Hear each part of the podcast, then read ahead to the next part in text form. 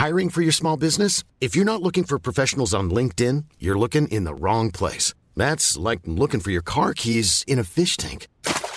LinkedIn helps you hire professionals you can't find anywhere else, even those who aren't actively searching for a new job but might be open to the perfect role. In a given month, over 70% of LinkedIn users don't even visit other leading job sites. So start looking in the right place. With LinkedIn, you can hire professionals like a professional. Post your free job on linkedin.com slash people today. A lot can happen in three years, like a chatbot may be your new best friend. But what won't change? Needing health insurance. United Healthcare Tri Term Medical Plans, underwritten by Golden Rule Insurance Company, offer flexible, budget friendly coverage that lasts nearly three years in some states. Learn more at uh1.com. Quality sleep is essential. That's why the Sleep Number Smart Bed is designed for your ever evolving sleep needs. Need a bed that's firmer or softer on either side? Helps you sleep at a comfortable temperature? Sleep Number Smart Beds let you individualize your comfort so you sleep better together. JD Power ranks Sleep Number number 1 in customer satisfaction with mattresses purchased in-store. And now save 40% on the Sleep Number limited edition Smart Bed for a limited time. For JD Power 2023 award information, visit jdpower.com/awards. Only at Sleep Number stores or sleepnumber.com.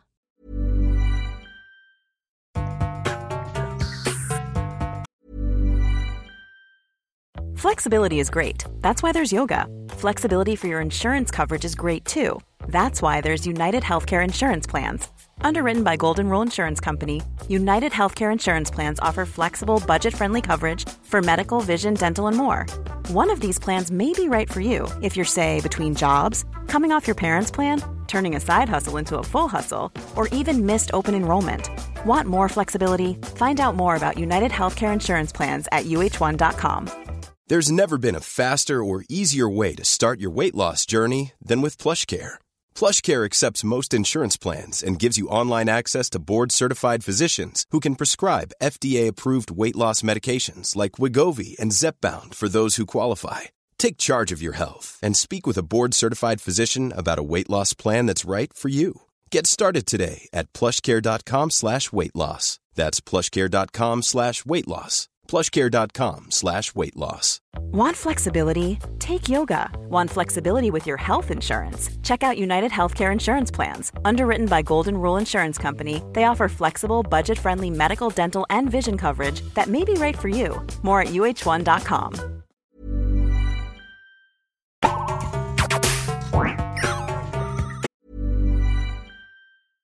Hey, it's Paige DeSorbo from Giggly Squad. High quality fashion without the price tag. Say hello to Quince. I'm snagging high-end essentials like cozy cashmere sweaters, sleek leather jackets, fine jewelry, and so much more. With Quince being 50 to 80% less than similar brands. And they partner with factories that prioritize safe, ethical, and responsible manufacturing. I love that. Luxury quality within reach. Go to quince.com slash style to get free shipping and 365 day returns on your next order. Quince.com slash style. Want flexibility? Take yoga. Want flexibility with your health insurance? Check out United Healthcare Insurance Plans. Underwritten by Golden Rule Insurance Company, they offer flexible, budget friendly medical, dental, and vision coverage that may be right for you. More at uh1.com. Mom deserves the best, and there's no better place to shop for Mother's Day than Whole Foods Market. They're your destination for unbeatable savings, from premium gifts to show-stopping flowers and irresistible desserts. Start by saving 33% with Prime on all body care and candles. Then get a 15-stem bunch of tulips for just $9.99 each with Prime. Round out Mom's menu with festive rosé, irresistible berry chantilly cake, and more special treats. Come celebrate Mother's Day at Whole Foods Market.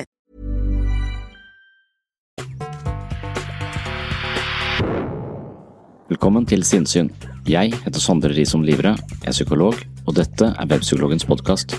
Hverdagspsykologi for fagfolk og folk flest.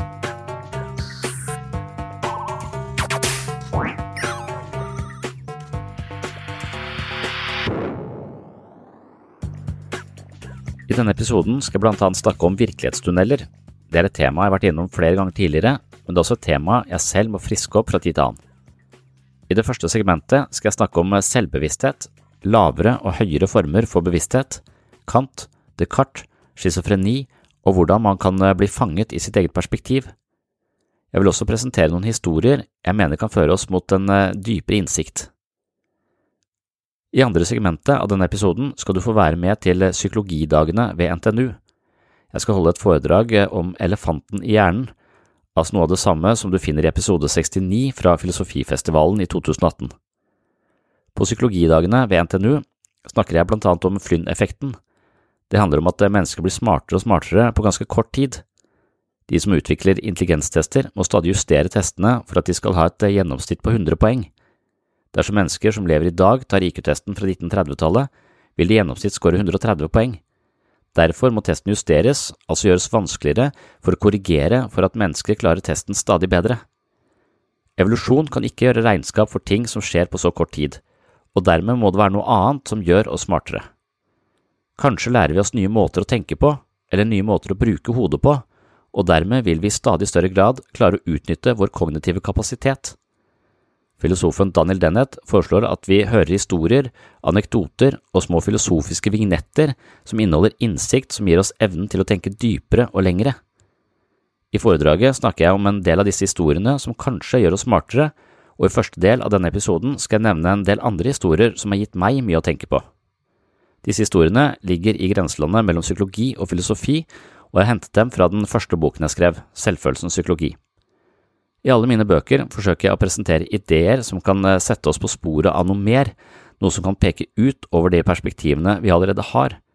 Er du mer interessert i dette, så håper jeg du klikker deg inn på webpsykologen.no for å anskaffe deg en eller flere av mine bøker. På Webpsykologen får du dem til eh, best pris med gratis frakt og rask levering. Ved å betrakte sitt eget sinn kan man få genuin kunnskap om seg selv. Mennesket har en helt spesiell evne til selvransakelse, og det skriver seg fra en egenskap som gjerne kalles for selvbevissthet. På mange måter er selvbevisstheten selve adelsmerket på vår menneskelighet, og det er et fenomen med stort potensial, samtidig som det kan føre til stor forvirring. I ulike former for psykoterapi er det gjerne en form for opptrening av selvbevissthet som eh, utgjør en vesentlig del av behandlingsformen. På mange måter er selvbevisstheten et finurlig fenomen, og i første del av dagens episode skal vi gå mer i dybden på vår egen bevissthets bevissthet om seg selv. Mye selvutvikling handler om å se seg selv utenfra. Det handler om å observere sinnets bevegelser og avkode automatiske mønstre som på en eller annen måte hindrer vår livsførsel. I hverdagen lever vi i takt med sinnets bevegelser uten å reflektere så mye over dette. En myriade av automatiske tanker, følelser og reaksjoner oppstår uten at vi legger merke til det. Noen ganger er det helt greit å leve livet på autopilot, men hvis livet ikke oppleves tilfredsstillende, kan det hende vi må begynne å se på hvordan den psykiske automatikken konstruerer våre opplevelser. Noen sliter med lav selvfølelse og negative tanker som på sett og vis tolker enhver situasjon i nedslående retninger. Ofte ser vi ikke at vår egen opplevelse av tilværelsen er noe vi i høy grad komponerer selv. Isteden tolker man dystre livsperspektiver som en naturlig reaksjon på ytre omstendigheter. Av og til er det slik, men av og til hender det at vi ubevisst farger alle opplevelser i triste nyanser. Da må man begynne å undersøke hvordan sinnet egentlig opererer, og det er i slike sammenhenger at selvbevisstheten er et viktig verktøy. Ofte deles bevissthetsbegrepet inn i den primære eller lavere formen for bevissthet og den mer sofistikerte eller høyere formen for bevissthet. Den lavere formen for bevissthet er en slags kontinuerlig prosess av hjerneaktivitet som besørger vår overlevelse, iverksetter hensiktsmessig atferd og på sett og vis ordner den tidsmessige følgen av begivenheter. Den har også mange andre funksjoner som vi deler med våre artsfeller. Den høyere bevisstheten er derimot et fenomen som er ganske særegent for mennesket, og i mange sammenhenger regner man selvbevisstheten som et eh, fundamentalt trekk ved den høyere bevisstheten. Selvbevissthet betyr at man forstår seg selv som et selv på en gang atskilt fra og i sammenheng med omverdenen. Jeg lager mine egne verdensbilder, og disse er personlige og private, men samtidig relaterer de seg til omverdenen.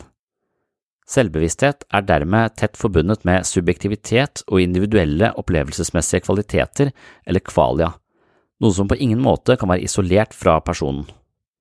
Den høyere bevisstheten er opplevelsen av å ha en unik identitet og personlig sammenheng i både nåtid, fortid og fremtid. Immanuel Kant er kjent for den såkalte kopernikanske vendingen i filosofien. Selvets notoriske kreditering av egen bevissthet, cogito, spilte også en sentral rolle i Descartes' program mot sann erfaring, men hos Kant blir bevissthetens rolle nesten enda viktigere. Her er den ikke bare et eh, ultimat referansepunkt for erfaring, men i kraft av den strukturelle organiseringen, hva menneskelige kategorier som tid, rom, kausalitet, materialitet og ikke minst eh, intensjonalitet, opphøyes bevisstheten som konstituerende komponist i vår eh, samlede opplevelsessymfoni av verden. Tidligere kikket vi gjennom bevissthetens linse på de objektene som åpenbart seg, men etter Kants vending er det tydelig at vi selv er deltakende i tilblivelsesprosessen av våre verdensbilder. Vi ser dermed ikke verden på en objektiv måte, men på en delvis selvkonstruerende måte. En katt er estetisk vakker og tillitsvekkende for meg, men skrekkinnvarslende og allergifremkallende for flere av mine venner. Kant forteller oss at måten vi ser verden på, ikke er et renskåret utsnitt av virkeligheten, men også et produkt av vår egen bearbeidelse. Bevisstheten er med på å konstruere våre opplevelser av verden, og dermed blir det veldig interessant for det moderne mennesket å undersøke sin egen bevissthet, da det tross alt er den som eh, komponerer vår virkelighet. Heretter oppstår altså en eh, stor interesse for vår egen bevissthets konstituerende kraft, noe som per definisjon er selvbevissthet. Nicolas Copernicus var en eh, banebrytende europeisk astronom hans formulering av solen fremfor jorda som universets sentrum betraktes som en av de viktigste vitenskapelige hypoteser i historien. Kants eh, kopernikanske vending i filosofien handler om en tilsvarende forflytning av fokus vekk fra en objektiv virkelighet som viser seg for vår bevissthet, til en virkelighet som konstitueres og privatiseres av det enkelte subjektet. Noen vil hevde at eh, Kants eh, filosofiske vending har vært utslagsgivende for en eh, tiltagende selvbevissthet hos det moderne mennesket. Det er også enkelte farer forbundet med økende grad av selvbevissthet, noe blant andre Louis Sass gjør oppmerksom på. Når vi med bevisstheten undersøker vår egen bevissthet, skjer det en slags fordoblingsprosess. Vi er på samme tid den som iakttar og den som blir iakttatt. Hvis vi driver mye med slik selvransakelse, mener SAS at vi potensielt sett kan utvikle schizofrenilignende symptomer. Muligvis er vi rett og slett i nærheten av den eh, opplevelsen Foucault sikter til når han beskriver eh, fornuftens erkjennelse av seg selv som fordoblet og derfor berøvet sin identitet. Tanken er at eh, bevisstheten, som eksempelvis setter seg fore å undersøke sin egen tankegang, gjør nettopp denne tankegangen til et objekt for seg selv.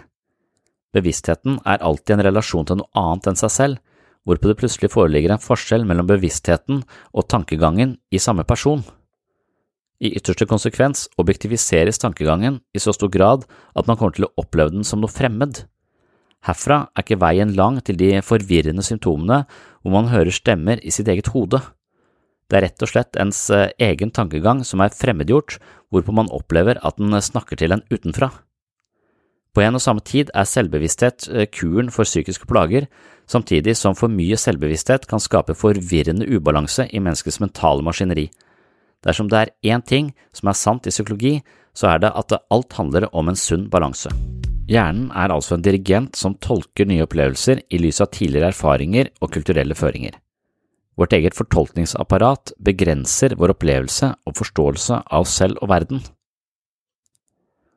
Jeg satt ved middagsbordet og stirret ut i luften. Min datter på fire år spurte hva jeg tenkte på, og jeg svarte at jeg tenkte på henne. Hun kikket spørrende på meg og lurte på om hun var inni hodet mitt. Ja, du er, vel, du er vel for så vidt det, svarte jeg. Hun tenker seg om og innvender at det må jo være feil, for jeg er jo her ute. Denne lille passiaren ved middagsbordet forteller noe viktig om det å være menneske. Fireåringens underfundige spørsmål minnet meg om boken Our Knowledge of the External World, hvor eh, Bertrand Russell reflekterer over forholdet mellom virkeligheten og våre mentale modeller av virkeligheten. I forlengelse av eh, Russell kan man argumentere for at mennesket har to hoder. Vi har et fysisk hode som holder til i virkeligheten, og en modell av dette hodet som holder til i bevisstheten. Når vi står foran et speil for å pynte på hodet og gi det en sosialt akseptabel fasade, hender det at vi opplever modellen som eh, flott og tiltrekkende, mens andre ganger opplever vi modellen som lite attraktiv og frastøtende. Det betyr ikke nødvendigvis at hodet i den virkelige verden har endret utseende, men at modellen i vårt eget hode forkludres av følelser og psykologiske stemninger i vårt indre landskap. Men hva er egentlig forholdet mellom vår egen modell av virkeligheten og den egentlige virkeligheten? Nettopp det er det intrikate spørsmålet som har hjemsøkt Vestens filosofi gjennom uminnelige tider. Hjernen er en dirigent som setter sammen den innkomne informasjonen om den ytre virkeligheten til en indre modell av verden. Det betyr at eh, vi lever i en ytre virkelighet som vi lager bilder eller modeller av i vår indre opplevelsesverden. Vi ser verden gjennom en bestemt linse, og våre perspektiver skjærer verden i et bestemt snitt. Vi tolker oss selv og våre omgivelser på bakgrunn av våre tidligere erfaringer, kulturelle føringer, og våre tidligste relasjoner blir ofte en slags mal på hvordan vi omgås våre medmennesker senere i livet. Vonde erfaringer, kritikk, mobbing eller omsorgssvikt kan etablere et eh, psykisk fortolkningsapparat preget av frykt, usikkerhet, skepsis, vaktsomhet, negativitet, tilbaketrekning og generelt sett lav selvfølelse. Et slikt psykisk operativsystem avstedkommer symptomer og frarøver oss muligheten til selvrealisering og positiv vekst. Når den psykiske programvaren er skadet av snevre ideologier, fordervet tankegods, vonde erfaringer eller uheldige relasjoner, må vi først og fremst begynne å analysere vår egen programvare. Vi må slutte å gi våre livsperspektiver så mye autoritet over eget liv, og isteden begynne å se innover, vi må innse at våre perspektiver ikke forteller sannheten om oss selv og verden i en én-til-én-relasjon. Vår psykiske programvare forandrer og styrer vår virkelighetsoppfattelse i bestemte retninger, og det er dette vi må avsløre. Istedenfor å forholde oss til innholdet i våre tanker, må vi se på hvordan vi tenker. Vi må gjøre våre tankemønstre, relasjonsmønstre og følelser om til objekt for vår egen analyse I en slik prosess kan vi skape såpass mye avstand til oss selv at vi makter å innta et romsligere perspektiv. Som psykoterapeut er det slik jeg forstår selvutvikling. Det er ikke lett å installere ny programvare i sin egen hjerne, men det er heller ikke umulig. Å endre sine kjerneskript, grunnleggende leveregler, livsperspektiver, selvoppfattelser eller holdninger, avhengig av hva man eh, velger å kalle det, kan være en eh, strevsom og utfordrende prosess. Poenget er at vi blir nødt til å forlate våre vante mønstre, og da befinner vi oss plutselig i en litt ukjent situasjon, og det kan være ganske angstprovoserende. Dermed er det lettere å beskytte sin virkelighet mot utfordrende innspill, men Søren Kirkegård påpeker at vi må våge å miste fotfestet for ikke miste oss selv. Som klinisk psykolog er det dette jeg jobber med til daglig. Nå vil jeg spille av et lite klipp fra 2013 hvor jeg snakker om eh, psykisk helse og det jeg her kaller virkelighetstunneler. Vi kan endre oss selv ved å endre vår oppfattelse. Vi er hele tiden med på å konstruere vår egen virkelighet og våre egne virkelighetstunneler. Hva skjer når vi lever i en tunnel som er altfor trang? Det første, første temaet vil da bli eh, virkelighetsmodeller, eller virkelighetstunneler. Ehm, jeg hadde eh, en samtale med datteren min på tre og et halvt år for noen uker siden som eh, gjorde et sterkt inntrykk på meg. Jeg tror jeg satt og, eh, og tenkte, eh, og det så hun, så hun spurte eh, Hva tenker du på, pappa? sa hun. Og så sa jeg eh, Ja, nå tenker jeg faktisk på deg. Eh, å ja, sa hun. Og så begynte hun å tenke. Og så sa hun etterpå Ja, er jeg inni ditt hode, da? Uh, så ja, ja, du er jo for så vidt inni mitt hode når jeg tenker på deg. Ja, det, det kan du ha rett i. Og så tenkte hun litt og sa Ja, men jeg er jo ikke det, sa hun. Jeg er jo her. Uh, og så jeg ja, det er også, uh, også riktig. Men det hun på en måte kanskje minna meg på, da, og som jeg har tenkt mye på fra før, er jo at vi ikke oppfatter virkeligheten akkurat sånn som den er, men vi skaper våre egne indre modeller av denne, denne virkeligheten. Så eh, selv om jeg nå ser en stol der, så er det ikke selve stolen jeg ser. Jeg ser en mental modell av denne stolen som da er inni mitt hode, og det er den jeg opplever. Eh, og denne mentale modellen eh, er farget av min måte å fortolke informasjon på. Er farget av mine følelser, min sinnsstemning i dag. Den er farget av mine erfaringer og min på en måte psykologiske programvare og mine min måte å se verden på, mine perspektiver. Eh, så sannsynligheten for at vi ser den stolen eh, helt likt, er ganske liten. Hvis vi opplever ting på forskjellige måter. Og øverst venstre i bildet, bildet, bak meg så er det Immanuel Kant. Um, I noen av hans kritikker. Jeg kan ikke si jeg har lest og forstått, uh, forstått de. Har forstått litt av det han sier. Og Kant assosieres av og til med noe som kalles den kopernikanske vendingen i, i filosofi. Uh, og der snakket han om noe av dette. Han, han snakket om at uh, vi kan ikke, eller verden er ikke sånn som den viser seg for vår bevissthet. Vi kan ikke forvente at, at vi ser verden i en én-til-én uh, i et én-til-én-forhold. Uh, vi er selv med på å skape våre egne verdensbilder, eh, eh, sier Kant. Og det betyr at istedenfor å være interessert i hvordan verden er der ute og ser ut, så ble vi interessert i hva er denne linsa, hva er denne bevisstheten vi bruker for å fortolke verden eh, med. Så da begynte man å kikke innover. Eh, og det kalles eh, ofte den kopernikanske vending. Kopernikus og sola og alt det. Så eh, Og i forhold til psykologi da, så er dette ganske, ganske sentralt. Psykologi handler jo om å undersøke våre mentale modeller av virkeligheten. Og hvordan funker disse mentale modellene for oss? Tar de oss dit vi vil i, i livet? Er vår måte å oppfatte virkeligheten på uh, hensiktsmessig for oss? Gir den oss livskvalitet? Gjør den at, den når, gjør den at vi når målene våre? Og så. Eller har vi måter å oppfatte verden på som er forkrøpla av uh, negativitet og selvkritikk og andre elementer som forstyrrer den måten vi ser oss selv og verden på? Og det er interessant. Uh, og det er viktig å, å, se på. Det er på en måte psykologiens vesen. er jo da akkurat som, som Kant påpeker, å se innover. Hva er det med måten vi opplever uh, verden på? På bildet der så ser du uh, jeg, jeg, tror jeg har tatt de bildene fra forskjellige artikler vi har skrevet på Webpsykologen, og den nederste venstre det, det bildet er jo av en forholdsvis pen dame som ser seg i speilet og får et forholdsvis stygt speilbilde. Uh, og det er ikke uh, Det ser for meg ut som det ikke er helt samsvar uh, mellom det som er i speilet, og det sånn hun dama ser ut. og det husker jeg skrev i forbindelse med at jeg hadde en, en pasient som hadde dysmorfofobi. en litt jeg vet ikke om jeg sier det riktig engang. Fryktelig vanskelig, vanskelig ord. Men, men, greia var at hun var utrolig pen, men syntes at hun var utrolig stygg. Uh, og, og, det uh, kom til å på en måte minne meg på, eller jeg vet ikke om jeg leste i den forbindelse da om, om Bertrand Russell, som er en annen sånn filosof, som har et sånt argument som sier du har to hoder. Uh, du har det hodet som er her ute, og så har du det hodet eh, som du ser i speilet, og som da blir en mental modell av ditt eget hode inni ditt eget hode. Det er komplisert.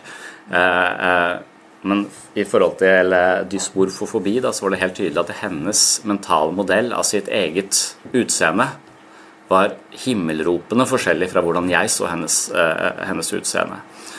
Hun, hadde, hun, var utrolig vakker og syntes at hun var utrolig stygg. Og det var ikke bare noe sånt hun sa. Hun reelt opplevde at hun var mye styggere enn en alle andre mennesker. Det var hun helt, helt klart ikke. Hun, hun syntes hun var så stygg at hun filte bort huden sin i ansiktet eh, innimellom fordi hun syntes det var eh, Ja. Hun begynte å forandre eh, ansiktet sitt. Det ble ikke noe, det ble ikke noe bedre. Eh, men, men det var ganske fortvilende å se hvordan hennes modell av, eh, av seg selv inni hennes hode er så forskjellig eh, fra min. Og terapi må jo være å minne henne på det Bertrand Russell eh, da sier, eller i hvert fall som et utgangspunkt, at eh, vi har to hoder. Du har ett hode der inne, og du har ett hode her ute. Du, og din modell av ditt eget hode er det noe galt med. Den er forkrøpla et eller annet. Eh, du har en måte å fortolke deg selv på som ikke er heldig, og som gir deg et, eh, et inntrykk at du er stygg, mens verden generelt vil oppleve eh, det motsatte. Så terapi vil være da hele tiden undersøke sine modeller av, det, av, av verden, og undersøke sin egen opplevelse av, av verden, og, og, finne ut om, om det er mulig å forandre det. Finne ut om modellene er hensiktsmessige for oss, eller om vi bør, bør, se på eventuelle tankefeller og feil som gjør at vi oppfatter ting på en uhensiktsmessig måte. Så der, Neste bilde her. Vårt mentale operativsystem. Vi har en hjerne, og den hjernen har uhorvelig mange symnatiske forbindelser. Og den eh, suger til seg informasjon, og den lagrer erfaring. Så det er en slags mental biologi som suger til seg erfaringene våre. Eh, og, eh, og det er disse erfaringene som på en måte utgjør programvaren som vi orienterer oss etter i verden. Vi får data inn, denne dataen filtreres gjennom våre perspektiver, og så handler vi på bakgrunn av sånn vi eh, fortolker eh, informasjonen. Hei, du har nå hørt starten på en av de eldre episodene her på Sinnsyn. Denne episoden, i sin fulle lengde, er nå lagt i arkivet. Hvis du ønsker å høre hele episoden, har du to alternativer. Du kan laste ned Sinnsyn-appen fra Google Play eller AppStore, i Sinnsyn-appen kan du gå inn på podkast og finne hele arkivet. Her ligger de 370 første episodene av Sinnsyn i sin fulle lengde og originale form, i tillegg til 40 bonusepisoder fra tidlig sinnssyn. Og disse arkivepisodene er til og med uten reklame fra tredjepart. Alternativ to, hvis ikke du vil bruke Sinnsyn-appen, er å gå inn på patron.com for segs sinnssyn. På Patron kan du finne en feed som inneholder alle de arkiverte episodene. Denne feeden kan du legge inn i din favoritt-podkastspiller, og vips har du tilgang til alle episodene fra Sinnsyn i perioden mellom juli 2016 og oktober 2022, altså seks år med Sinnsyn-episoder i sin fulle lengde uten reklame.